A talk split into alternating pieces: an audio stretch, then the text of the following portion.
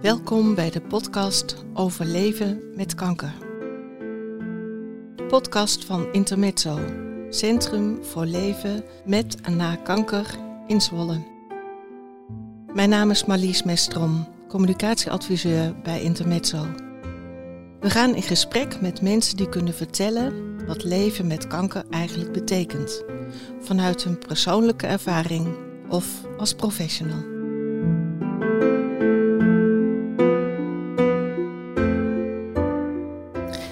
Vandaag twee gasten aan de microfoon bij Intermezzo.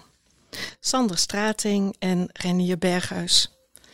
Welkom, jullie beiden. Dank je. Ik ga beginnen met jou, uh, Renier. Jij bent gast bij Intermezzo.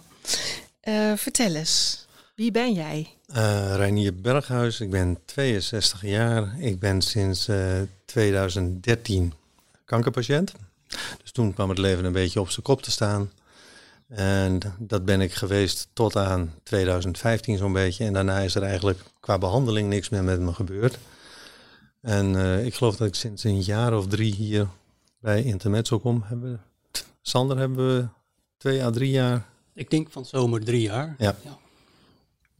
Leuk dat je daar meteen ook uh, antwoord op hebt, uh, Sander.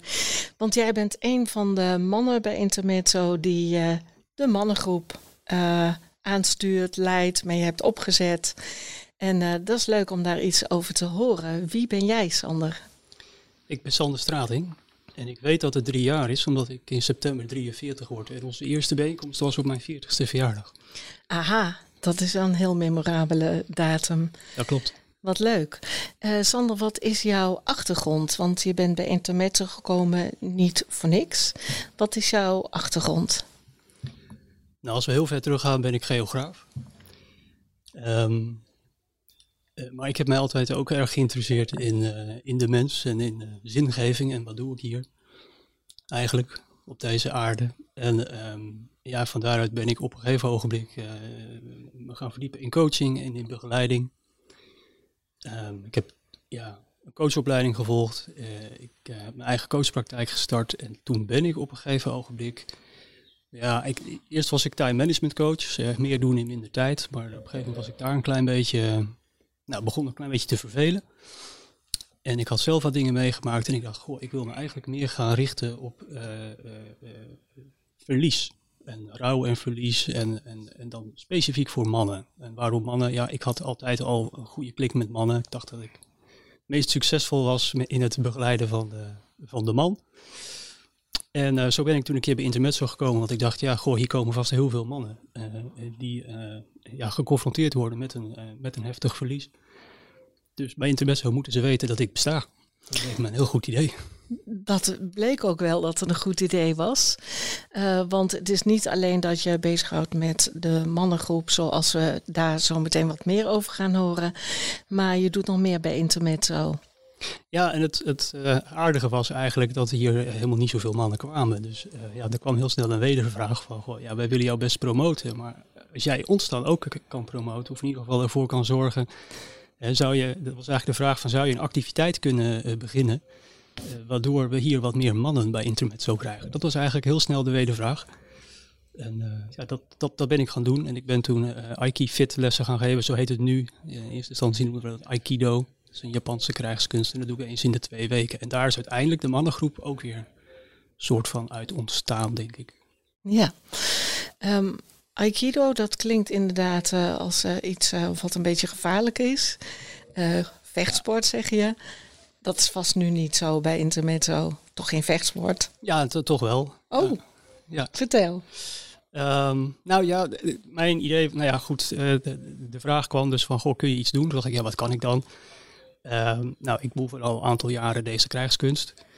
Ik dacht, ja, krijgskunst is toch meer iets voor mannen dan voor vrouwen. Beetje stereotyp, maar in zijn algemeenheid. Nou, misschien is dat iets. Dus dat heb ik voorgelegd. En ik had daar ook wel een verhaal bij. Want ik dacht van, ja, weet je, je bent hier ook in gevecht met kanker. Dus je, je bent eigenlijk ook een soort krijger. Zo kun je dat wel zien, vind ik. Uh, dus ik vond dat wel een mooie link. En ik denk, ja, dan kun je misschien ook aan de hand van Aikido en aan de hand van hoe je daar uh, uh, ja, met elkaar bezig bent, misschien ook een stukje reflectie doen op hoe dat is in jouw ja, situatie met, met kanker en met je ziekte. Ja, dat is nog steeds zo. Hè? Je bent er drie jaar geleden mee begonnen. Ja. Ehm, is het ook gelukt, zeg maar, de missie die er een beetje onder hing om meer mannen bij Intermezzo te krijgen? Ja, volgens mij wel. Ja, dat denk ik wel. En dat is niet alleen het, het Aiki Fit. Dat is op het moment best een klein gezelschap waarmee we dat uh, doen. Dat heeft denk ik ook wel met corona deels te maken. Ehm, maar de mannenavond is, is wel een succes. En dat doen we nou ja, sinds, dus, sinds drie jaar doen we dat toch elke maand.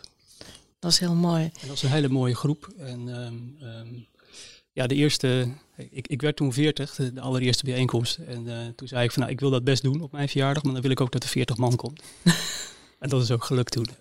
Uh, ondertussen is de groep iets kleiner, maar ja, dat was wel heel mooi. Ja, dat was aanleiding om ook een uh, mannengroep te gaan opzetten en starten. Um, waarom is dat eigenlijk nodig, een speciale mannengroep? Ja, dat is natuurlijk een hele goede vraag. Um, ik denk dat mannen heel goed uh, uh, open en kwetsbaar naar elkaar kunnen zijn en kunnen praten over wat hun bezighoudt, maar dan toch het liefst met mannen onder elkaar. Is het dan anders voor mannen als voor vrouwen als je een ziekte krijgt of zoals kanker? Ja, in zijn algemeenheid, het is, het is denk ik van wel. Ik denk dat daar toch een, uh, wel een verschil in zit. En um, ik denk dat je dat kan uitleggen als je het, hè, het gaat vaak over verliesverwerking en rouwverwerking. En bij mannen ligt de nadruk dan meer op dat werken, uh, iets doen. Dus een, een, een, een man hè, die geconfronteerd wordt met zo'n heftig verlies, die kan zeggen van, goh, ik ga eens even de hele tuin onder handen nemen. Of het wordt de hoog tijd dat we het huis eens even weer gaan schilderen. Of ik heb nog zo'n uh, bepaald plan, uh, wat ik nog eens in uitvoer wil brengen, een product wat ik op de markt wil brengen. Dat zijn van die ja, dingen die volgens mij mannen dan eerder gaan, zullen gaan doen. Dat geldt natuurlijk helemaal niet voor alle mannen. Dit zijn echt wel tendensen, een beetje algemeen. Terwijl vrouwen denk ik misschien eerder zeggen van ja, ik wil het er toch graag over hebben. En, en, en ik zoek mijn, uh, mijn vriendinnen op en, of mijn familie. En, en, en, ja, ik ga, ik ga praten over dat verlies. Ja. ja. En, en, en, mannen praten meer door iets te gaan doen.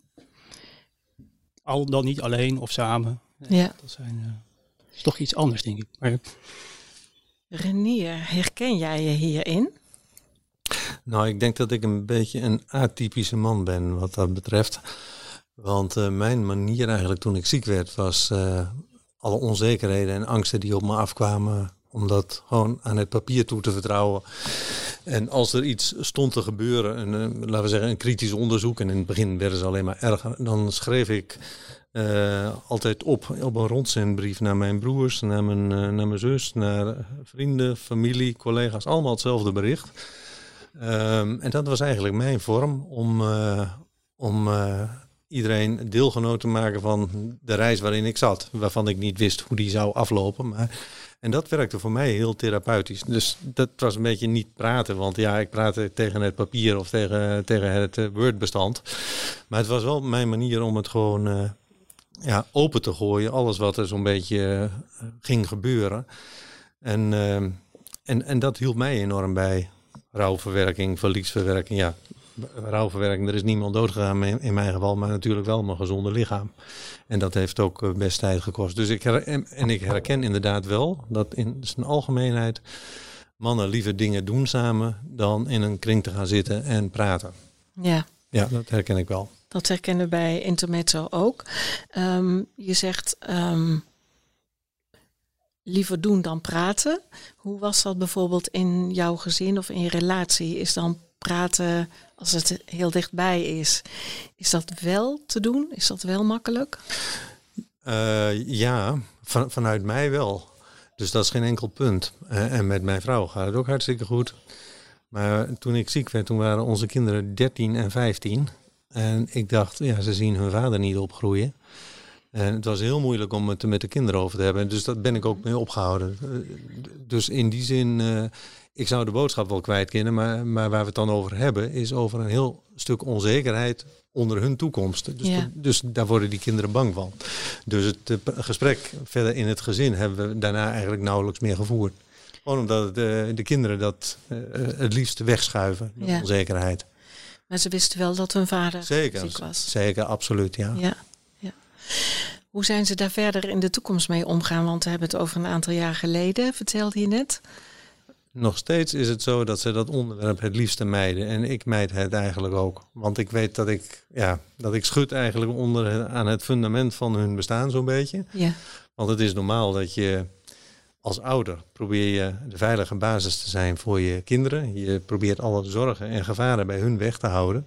En op het moment dat papa moet zeggen van uh, ja, ik heb uitgezaaide darmkanker. Het zit in mijn lever en in mijn longen. Uh, dan weet je uh, dat de verhouding tussen jou en de kinderen in één keer 180 graden omdraait. Vanaf dat moment maken zij zich zorgen over jou. En hebben zij een last op hun schouders liggen die op mijn schouders hoort te liggen. Dus uh, het is nog steeds zo dat ik er met hun eigenlijk nauwelijks over praat. Bijzonder. Ja. Het is niet uniek. We horen dat bij Intermezzo wel vaker natuurlijk. Um, daarvoor hebben we ook gelukkige gezinscoaches die uh, kinderen, maar ook juist opgroeiende pubers en adolescenten daar van tijd tot tijd begeleiding bij uh, kunnen bieden. En soms zie je dat een gesprek dan toch uh, openbreekt. En dat is natuurlijk prachtig als dat de wens is van degene die hier komen. Als je ermee kunt leven zoals je zelf je positie ten opzichte van elkaar bepaalt, is dat natuurlijk helemaal prima. Dat is voor iedereen verschillend. Um, je bent wel bij Intermezzo gekomen op de een of andere manier. Um, heb je ons gevonden en ben je ook bij de mannengroep uh, terechtgekomen. Kun je daar iets over vertellen hoe dat is verlopen? Een collega van mij uh, die had mijn rondzendbrieven uh, gedeeld met zijn vrouw. En zijn vrouw die begeleidt kankerpatiënten. En haar oordeel was, die collega van jou, die beleeft deze ziekte wel op een andere manier dan wat we gemiddeld zien. En toen zei ze, zij begeleidt kankerpatiënten dus uh, op avonden. Toen zei ze, kan die niet eens een keer naar mij naar een symposium komen luisteren of zo. Dus ik ben daar een paar keer geweest. En toen belandde ik in, uh, in kleine gespreksgroepjes, in pauzes en zo, waarin we dan mannen en vrouwen aan elkaar vertelden wat er met ons aan de hand was. En ik had een paar keer de ervaring dat er iemand bij me zat in het groepje die net een diagnose kanker had gehad. Die dacht ook waarschijnlijk van ja, nu ga ik dood. En dat hoeft niet altijd zo te zijn. En ik merkte dat als ik dan vertelde wat ik had en zo'n man of vrouw die zat net, had net de diagnose, een vrouw borstkanker gehad, de angst in haar ogen. En toen moest ik mijn verhaaltje doen en toen bleek dat ik dus die uitgezaaide darmkanker had en dat ik er nog was. En dat het eigenlijk goed met me ging. En ik zag in de ogen van die vrouw van, nou, zij ontleent hier hoop aan. Dus toen dacht ik, uh, wat Sander net zei, met zingeving bezig zijn, uh, dat had ik ook wel. Ik denk, goh, als het dit effect heeft op iemand die ik hier toevallig tegenkom, dan, dan ga ik eens een keer naar Intermezzo toe en dan ga ik kijken, niet zozeer voor mezelf, uh, maar dan ga ik eens even kijken of, of ik in contact kan komen met mensen voor wie ik iets kan betekenen. Dat was het eigenlijk. Zo is het eigenlijk begonnen. En, maar zoals het nu is, vind ik het gewoon hartstikke gezellig met elkaar. En soms heb je ja, grappen en grollen met elkaar. En de afgelopen keer was het een wat uh, dieper gesprek met een aantal mensen. Ja.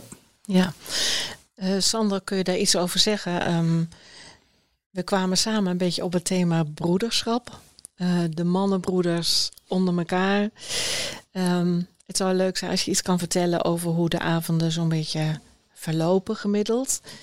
En ik hoor jullie zeggen, de laatste avond was bijzonder. Dan hebben we het daar dadelijk ook even over. Aha, Hoe ja. ziet zo'n zo'n mannenbijeenkomst er nou uit?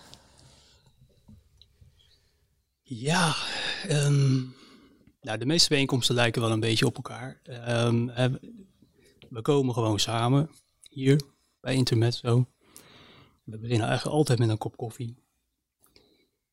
Um, en er is altijd wel een thema of iets wat we ook hebben. Maar we beginnen gewoon altijd, altijd met koffie en uh, onder de koffie is er een gesprek van. Uh, en, dat kan overal over gaan.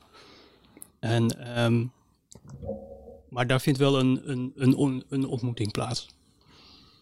En vaak hebben we dan na een half uur, drie kwartier of zo, dan is het een moment om, om uh, dat wat we hebben voorbereid, om dat dan te gaan doen. En dat is heel, wel heel divers. Um, wat me zo te binnen schiet is dat we wel uh, bierproeverij hebben gedaan, een whiskyproeverij. Dus we, we, laten het ons ook vaak wel smaken. Ehm, maar er zijn ook wel mannen die iets verteld hebben over hun werk of over hun werk van vroeger of over hun hobby's. We hebben een hele mooie presentatie gehad over glas in lood van iemand. Ehm, maar we zijn, we zijn ook wel eens ergens geweest. Dus er zijn ook uh, mannen die dan bijvoorbeeld vrijwilliger zijn bij, ik dacht dat het Natuurmonumenten was. En toen zijn we daar een, eh, een keer een middag geweest.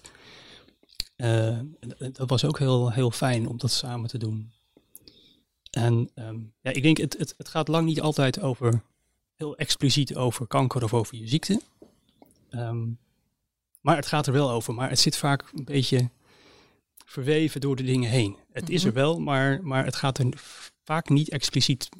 over. Dat hoeft in ieder geval niet. Maar als er iets is wat speelt, dan is daar wel weer ruimte voor om het daarover te hebben. Dus het is, ja, ik, uh, ik heb dat toen een keer broederschap genoemd. Een beetje ouderwets woord, maar ja, het roept toch wel iets op. En, uh, ik, ik weet niet uh, of jij dat zo herkent, dat iets daarmee hebt met dat woord broederschap. Je zegt van, nou, dat herken ik wel, zo. Reinier, zo is het ongeveer. Nou ja, ik vind het woord broederschap vind ik een mooi ouderwets woord. En het heeft ook wel iets sacraals, vind ik eigenlijk. En dat vind ik eigenlijk mooi.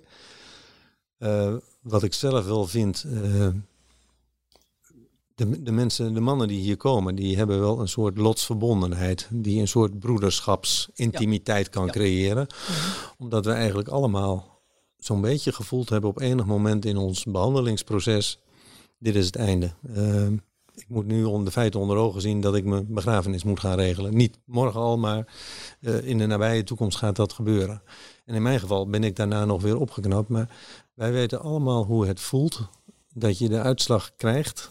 Uh, of dat je op het scherm zelf al de conclusie trekt dat het echt heel slecht met je gaat. En ik vind dat dat, uh, ik vind dat, dat wel een band is waarvan ik me kan voorstellen, dat kun je niet zomaar met anderen delen die dat niet hebben meegemaakt. En dat kunnen wij als mannen daar met elkaar wel. En dat, dat vind ik wel heel bijzonder. Dus het woord broederschap, ja, het suggereert natuurlijk zij, dat wij uh, twee handen op één buik zijn. Nou, we zijn natuurlijk allemaal hele verschillende mensen. Maar, het, maar dat facet van het leven, dat je weet dat je met je eigen eindigheid geconfronteerd bent. En dat je dan plek moet geven. En dat je ook naar elkaar toe over kan hebben. Dat vind ik wel heel bijzonder, ja. Dus ik vind het woord broederschap wel mooi eigenlijk daarvoor. Ja. Ik vind de lotsverbondenheid ook wel heel mooi uh, doorklinken, zoals jij het noemde, Sander. Um, betekent het dat uh, deze groep alleen toegankelijk is voor mannen die, zoals Renier het noemt, uh, hun einde zien naderen of in de palliatieve fase van hun leven zijn beland? Is die daar alleen voor toegankelijk, de mannengroep, of niet? Nee, volgens mij niet.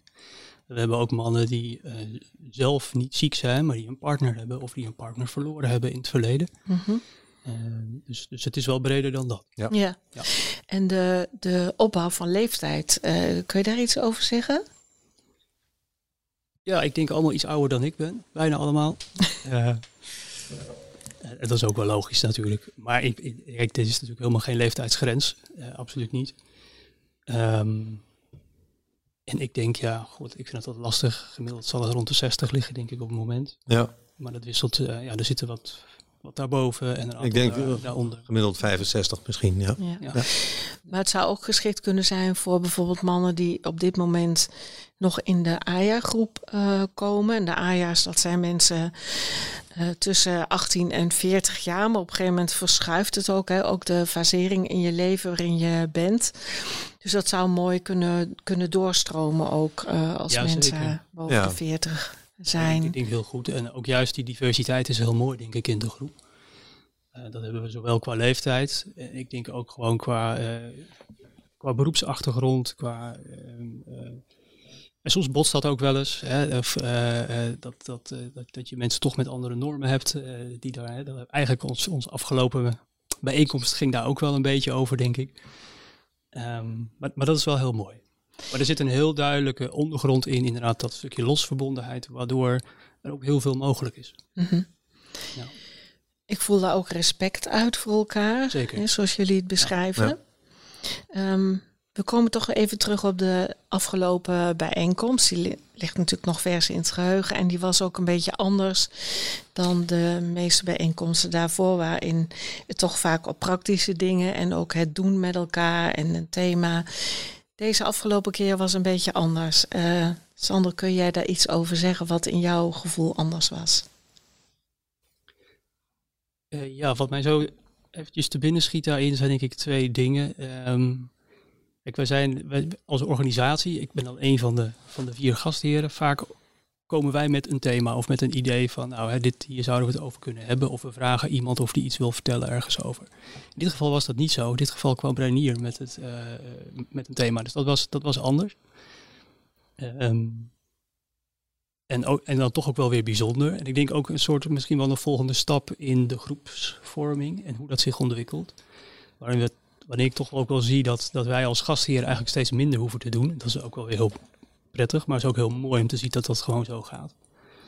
En verder was het wel een heel. Um, ik, ik, had het de afloop nog over met, uh, met iemand. Ik, zei, ik, ik, vond het wel een heel intiem gesprek. Mm -hmm. Even, je spreekt over de andere gastheren. En met hoeveel mensen ja, we zijn, zijn met vier. Um, uh, dat ben ik zelf, dat is uh, Salo, Stefan en Patrick.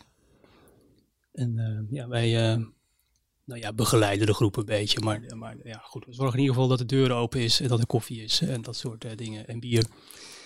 En, en, en als nodig, dan bedenken we een, een thema of een, een, een inhoudelijk programma. Mm -hmm. ja. Als we kijken, naar de inhoud van uh, de afgelopen bijeenkomst. Uh, je had het thema bedacht. Wat was dat thema? Ik weet even niet meer exact de volgorde van hoe het allemaal ging. Maar uh, ik, we zoeken vaak naar een thema. En uh, je merkt dat de tijden aan het veranderen zijn. Dingen die we vroeger heel normaal vonden uh, om te vinden, die kunnen tegenwoordig niet meer. de soorten humor die je hebt. Ja, en ik denk ook wel eens met schaamte terug aan de dingen waar ik vroeger als kind om gelachen heb. En waar ik nu misschien nog wel eens om lach, maar dat ik dan tegelijkertijd me, me schaam denk, dat moet, dit is niet goed. Hebben we het dan over een beetje richting MeToo? Of kan, ja. Zoiets? Ja. Okay. We hebben een appgroep waarin we communiceren met elkaar. En een appgroep, daar wordt ook heel veel ingedeeld qua grappen en rollen. Mm -hmm. En, en uh, wat, uh, wat Reinier, nee, er was iemand anders die het opviel, maar uh, er waren een paar grappen en rollen gedeeld en op dat moment verlieten ook een paar mensen de appgroep. Oké. Okay. Nou, goed. En toen, nou, en we hadden nog niet echt een thema voor die avond. En toen dacht ik gewoon, ik vind het leuk om eens een keer met de mannen een paar stukjes taal door te nemen die 30, 40, 50 jaar geleden geschreven zijn door Gerard Reven of Simon Kamichelt. En ik dacht, ik ga daar een paar dingen van voorlezen. Ik vind het prachtige taal, maar met de kennis van nu, de gevoeligheden die we nu kennen en die ik ook volledig accepteer, zou je dat zo niet meer opschrijven. En toen, toen we dat lazen, uh, vonden we er niks geks aan, 30, 40, 50 jaar geleden. En de schrijver van deze, die had ook niet de behoefte om iemand te beledigen of zo, maar sommige dingen kunnen gewoon niet meer. Mm. Maar wij hadden dus ook meegemaakt dat er een paar grapjes gedeeld werden, waardoor in ieder geval één persoon vanwege die grapjes uh, de groep verliet. Dus toen dacht ik, nou weet je, als ik dan die, die verhaaltjes voorlees, dan kom je ook eigenlijk wel op een natuurlijke manier in, in gesprek met elkaar over, ja, dit vonden wij leuk, we moeten er nog om lachen. Maar eigenlijk, ik, we kunnen ons goed voorstellen dat mensen zich hieraan ergeren. Dus misschien moeten we ons ook een beetje in acht nemen soms. Je, je kunt heel veel delen, maar dat uh, even een reflectiestap in zit. Van uh, wil ik dat grapje wat ik hier wil maken, wil ik dat wel delen? Of, of kan er iemand zijn die daardoor gekwetst wordt? En, uh, want dat mm -hmm. willen we helemaal niet. Wij willen, gewoon, wij willen gewoon het gezellig hebben met elkaar. En we willen eigenlijk niet dat iemand vanwege een grapje die hem kwetst, en dat kan soms in een hele persoonlijke situatie liggen, wat de anderen gewoon niet weten. Uh -huh. Dat die daardoor de groep verlaat. Dus nou, daar hebben we best een goed gesprek over gehad. En niet iedereen dacht daar hetzelfde over. Maar uh, iedereen dacht uiteindelijk wel van ja, we moeten eigenlijk gewoon. Fatsoen moet zo'n beetje de norm zijn. En, maar die is natuurlijk ook niet 100% ingekaderd. Dat zit per persoon ook een beetje anders. Ja, en in iedere groep moet je gewoon samen aftasten wat vinden we passend. Ja, ja en, en wat kan... ook wel mooi was, wat, er, wat eruit ontstond, was een gesprek, ook een reflectie over van ja, wat, wij, wat onze normen zijn, is ons ook bijgebracht door onze ouders. En die hebben het ook weer van hun ouders. En, um, en, en, en, toen werd het best wel persoonlijk ook. En er werden ook wat dingen verteld over ja, hoe ik dan met mijn ziekte omga. Heb ik waarschijnlijk ook van mijn vader of van mijn moeder. En nou, dat, was, dat was best een heel mooi groepsgesprek. Ja. Wel mooi hoeveel een ingang van de actualiteit die niets met kanker te maken heeft, toch Ja. de processen hoe mensen omgaan in hun leven met een eh, zware boodschap, hoe dat dan eh, mensen dichter bij elkaar brengt en daar het gesprek dan Ja. over gaat. En wat mij betreft hadden er nog wel meer mensen bij mogen zijn. Het was eh, een groepje van een man of tien, denk ik, die avond. Of twaalf, weet niet. Maar, Ja, tien dacht ik. ja, ja. maar misschien was dat ook wel een voorwaarde om dat gesprek te kunnen hebben. Hè? Eh, Ehm, je zegt eh, een groep van een man of 10, 12. Is dat de gemiddelde groepsgrootte of voor dit moment? ergens tussen de 10 en de 20, denk ik. Ja, dat denk ik ook. Ja. ja. Het wisselt wel een beetje. Tien zijn er meestal wel. En als we een echt een volle groep hebben, dan zitten we tegen de twintig. Ja. Rennie, je, je hebt het over de mannengroep, daar hebben we het vanavond over. Eh, ontvang je ook nog andere vormen van steun bij Intermezzo? Ik maak eh, niet gebruik van andere diensten van Intermezzo. Nee. Nee, dat is omdat je. Nou, eh, weet je, ik heb anders dan sommige van mijn lotgenoten. Ik heb nog een, een baan met druk werk. Maar eh, heel vaak leidt kanker er ook toe dat je uit het arbeidsproces raakt, dat je je sociale omgeving eh, kwijtraakt. En dat, heb ik, dat speelt bij mij allemaal wat minder. Dus ik heb veel minder tijd. Dus ik kan mij voorstellen dat mensen, zeker als je ook eh, als je lichaam krakkemikkig is door de ziekte die ons eh teistert, dat je van mas- massages of allerlei activiteiten of aikido, dat je van allerlei dingen gebruik maakt. Maar dat speelt bij mij niet. Dus Op zich dat. eh, ja, daar ben- ik, prijs ik me heel gelukkig om. ja. Hoe heb jij dat overigens gedaan? Eh, kanker en werk, hoe heb jij dat? Het jaar dat eh, ik ziek in behandeling was, met bestralingen, operaties, een stoma, geen stoma. in dat jaar, chemokuren, heb ik 52 ziektedagen gehad. Dus dat is eigenlijk heel erg weinig. Ja, En voor de rest heb ik gewoon. Ik, wij zaten toen in een reorganisatie. En ik zat dan, vandaag zat ik met, eh, aan de chemokuur met de oxaliplatine. Wat echt niet zulk fijn spul is. En dan moest ik morgen, we zaten in een reorganisatie, moest ik iemand vertellen dat hij zijn baan was verloren. Dus ik wil daar alleen maar mee zeggen. Het, eh, het, ik vond eh, het werk en alles wat daarbij hoorde hele prettige afleiding. Zodat ik niet voortdurend bepaald werd bij het feit, ja, hoe zou het over een week zijn? Hoe zou het over twee maanden zijn? Eh, dus het hielp mij enorm om eh, gefocust te blijven op de dag van vandaag. En dat, eh, dat heb ik als prettig ervaren. ja, ook knap dat je het kunt, want dat is niet iedereen gegeven. Ik snap dat, ja. Ja, vaak hoor je toch dat kanker leidend is in je leven, dan met een korte ei. Ehm, waardoor kanker helemaal op de voorgrond staat. Het klinkt bij jou alsof je het geïntegreerd hebt in wat er op dat moment was. Ja, en ik denk dat dat eh, genetisch is. Ik herinner me nog hoe mijn vader te horen kreeg in het ziekenhuis dat zijn been eraf moest. En ik stond daarbij toen de arts hem dat vertelde. En het was net alsof eh, het weerbericht aan hem werd voorgelezen. En eh, hij, hij wist al dat, dat het niet goed was met zijn been. Nou, als dit moet gebeuren, moet het maar gebeuren. Dus ik denk dat dat een beetje genetisch is ingebouwd. Dat we, de, dat we de feiten heel gemakkelijk een plek kunnen geven. En dan maar weer gaan kijken van wat zijn de kansen dan wel. Ja, Maar het is wel handig. het is wel handig als je Ja. het kunt. Ja. Eh, Sander, in jouw beroep, hè, de begeleiding ook van mannen op het eh, gebied van eh, verlies en rouw. ehm, is dit herkenbaar dat mannen er zo mee omgaan? Nou, zou ik zo niet willen zeggen. Ik denk dat dat wel heel erg wisselt. Ja. Nee, wat ik, wat ik wel herken is, eh, zoals ik net ook zei, dat, dat, dat mannen eerder geneigd zijn wel om weer iets te gaan doen. Het is ook wel zo, denk ik, hè, je hebt eigenlijk twee vormen. Of, eh, je, je, kan zeggen, je hebt mensen die meer verliesgeoriënteerd zijn en mensen die meer herstelgeoriënteerd zijn. Dus de verliesgeoriënteerde mensen die, ja, die focussen toch meer op dat verlies en dat wat ze kwijt zijn en de emoties daaromheen. En herstelgeoriënteerd, die denken, zijn eerder met de toekomst. Hè? Dus dat zou beter dan in dit geval ook bij, eh, bij de Reinier passen. En dan is het wel zo, denk ik, inderdaad dat mannen wat meer over het algemeen geneigd zijn naar, naar herstel. Waar misschien vrouwen iets meer geneigd zijn naar, eh, eh, om, het, om het over het verlies te hebben en daarbij stil te staan. Maar beide zijn natuurlijk wel nodig. En Renier heeft dat zeker ook gedaan. Hij vertelde net ook dat hij gewoon wel eh, brieven geschreven heeft en daar heel open over is geweest. Dus dat is het, echt het verliesstukje. Hm. Maar je bent ook alweer heel erg bezig met de toekomst en met hoe moet het nou allemaal verder. Dus daar zit beide in. Maar of het, nou, weet ik niet. Ik denk wel dat er een tendentie in zit, maar het is niet per se dat alle mannen Nee. eh, daar zo, zo in staan van eh, kop de veur en we gaan wel weer verder. Ja. Zeker niet. En ik, ik denk ook dat, het, eh, dat, dat juist ook heel veel mannen heel erg worstelen met hoe nu verder dan. En, eh, ehm, ja. Eh, Nou ja, en ik, en, en ik daar even op inhakend. eh, kijk, als je zegt van ik focus me alleen op, eh, de, op de dingen die ik wel kan doen vandaag en zo, dan is natuurlijk ook ligt op de loer dat je iets wegdoet wat op een later moment veel harder terugkomt. Ja. Dus het is ook een illusie te, te denken dat je dat helemaal kunt ontsnappen. Want ik, ook ik heb er een paar jaar over gedaan, denk ik, om mijn nieuwe lijf zoals het is, gebutst en met alle functionaliteit die het vroeger wel had, die er niet meer is, om dat een plek te geven. Dus eh, ja, Het is beide. het is er beide, absoluut. Als je alleen maar stilstaat bij wat je niet meer hebt, dan kom je ook niet, eh, ook niet mee verder. En, eh, en het is ook niet zo dat je eerst, eh, dat dacht men volgens mij, dat is ook wel een beetje een visie die een be- beetje verouderd is. Van, hey, je moet eerst dat verlies helemaal verwerken voor je pas weer verder kan.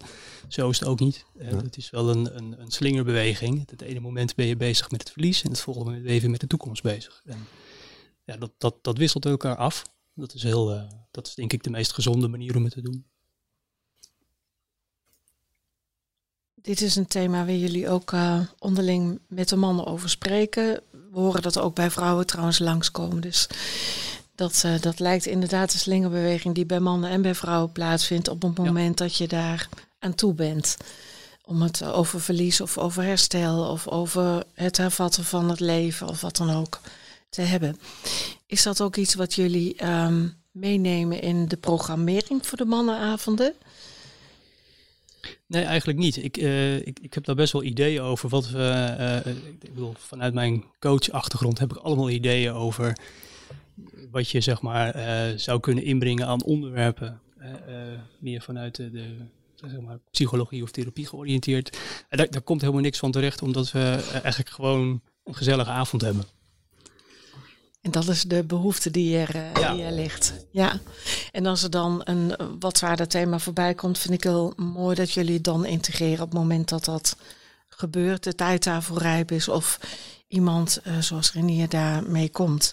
Nou, wat ik, ik eigenlijk programmeren we het wel, alleen we benoemen het niet. Datgene, eh, zeg maar, de, de gesprekken over ziekte en over rouw en verlies en, en emotie, dat vindt vaak aan het begin van de avond plaats bij de koffieautomaat. Of, eh, of het vindt plaats bij, eh, eh, terwijl we aan tafel zitten. Dan, dan zitten om een tafel heen zitten mensen vaak één op één met elkaar te praten. Dat is een geroezemoes. En daar vinden die gesprekken wel plaats. In het kleine en niet Ja, in het grote. Precies. Ja. ja. Nee, dus dat is wel heel mooi aan de groep. En ik verbaas me er ook vaak over. Ik denk, ik hoef dat dus niet eh, te initiëren of zo als begeleider. Mhm. We hoeven niks in te doen. Het lijkt wel hoe minder wij daarin doen, hoe meer de groep dat uit zichzelf doet. Hoe, hoe meer mensen hun weg naar elkaar vinden, Ja. zo wil ik je zeggen. Ja. Ehm, Renier, als jij ehm, iets zou kunnen zeggen over eh, toekomst en mannengroepen, ehm, liggen er nog wensen of eh, thema's waarvan jij zegt, oh dat zou ik toch heel fijn vinden als dat eh, in de mannengroepen of bij Intermezzo in zijn geheel zou worden opgepakt? Eigenlijk heb ik daar helemaal geen idee over. Als ik aan die, aan die avonden denk, denk ik alleen maar... eh, goh, ik hoop dat meer mannen die, die misschien een klein beetje vereenzamen... dat die de weg naar ons weten te vinden. En ik hoop dat als wij signalen zien dat er zulke mannen op ons pad komen... dat we die kunnen uitnodigen. En dat we een, zeg maar, een uitnodiging eh, kunnen geven aan ze... maar ook een uitnodiging voor ze kunnen zijn om bij ons te zijn. Want... eh, het zijn met lotgenoten vind ik, eh, nou, vind ik heel belangrijk. Ja, ik zie dat hetzelfde hoor. Ik, heb, ik hoop dat die groep nog heel lang blijft bestaan. Ik denk dat, eh, dat ik dat vooral als wens heb. Ehm, en en, en dat- er mogen wel wat nieuwe mannen wel weer bij. Dat is ook altijd denk ik heel goed. Ook voor de dynamiek in de groep. Ehm, maar ik, ik vind het zelf al, eh, en ik, ik, ik ben geen kankerpatiënt, nog niet althans, gelukkig, hoop ik. Ehm, maar ik haal er al heel veel uit. Ik, ik vind die mannenavond altijd heel inspirerend en heel bijzonder. Dus ja, ik kan alleen maar beetje gokken, maar ik kan me voorstellen hoe dat is hè, voor de mannen die, de, ja, die, die dan wel geconfronteerd worden met, eh, met deze ziekte. Hoeveel waar, hoe, hoe waardevol dat is. Mhm. Ja, ik denk dat echt. Dus dat ja. Ik sluit me helemaal in dit, eh, in dit geval helemaal bij Renier aan hoor. Ik, ik denk dat het heel mooi zou zijn als we ja, voor mensen voor wie dit van, eh, van waarde is, dat we die hierop kunnen wijzen. Dat lijkt me een, voor nu een mooie afronding. De mannengroep en alle mannenactiviteiten staan open voor alle mannen die geconfronteerd worden met kanker. In het begin, net na de diagnose of later in het proces of ook na de periode dat kanker heeft gespeeld. Maar ook voor mannen die nabestaanden zijn of die een partner hebben die kanker heeft. Alle mannen zijn welkom voor de mannengroep, maar ook natuurlijk van harte welkom voor alle andere activiteiten bij Intermezzo, alle ontspanning die er is.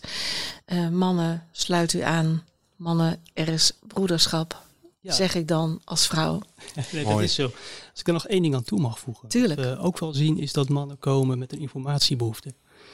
Dus die hebben inderdaad vaak net de diagnose gekregen. En eh, zijn op zoek naar ervaringsdeskundigen. Dat zien we ook wel heel veel.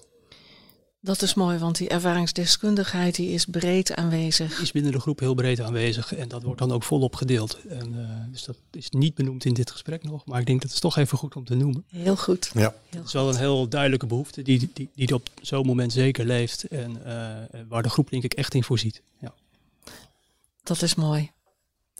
Renier, dankjewel voor je openheid. Sander, dankjewel ook voor jouw openheid en deskundigheid. En dat jullie nog maar lang bij Intermezzo mogen blijven. Geven, halen, brengen en al wat er is. Dank, Dank je. jullie wel. Dankjewel. Je luisterde naar de podcast over leven met kanker van Intermezzo. Meer informatie vind je in het tekstdeel onder deze uitzending en op de website intermezzo-zwolle.nl. Met dank aan onze gast. Ook dank aan de mensen die de podcast voor Intermezzo mogelijk maken. Omexom Zwolle voor het sponsoren van onze podcastapparatuur.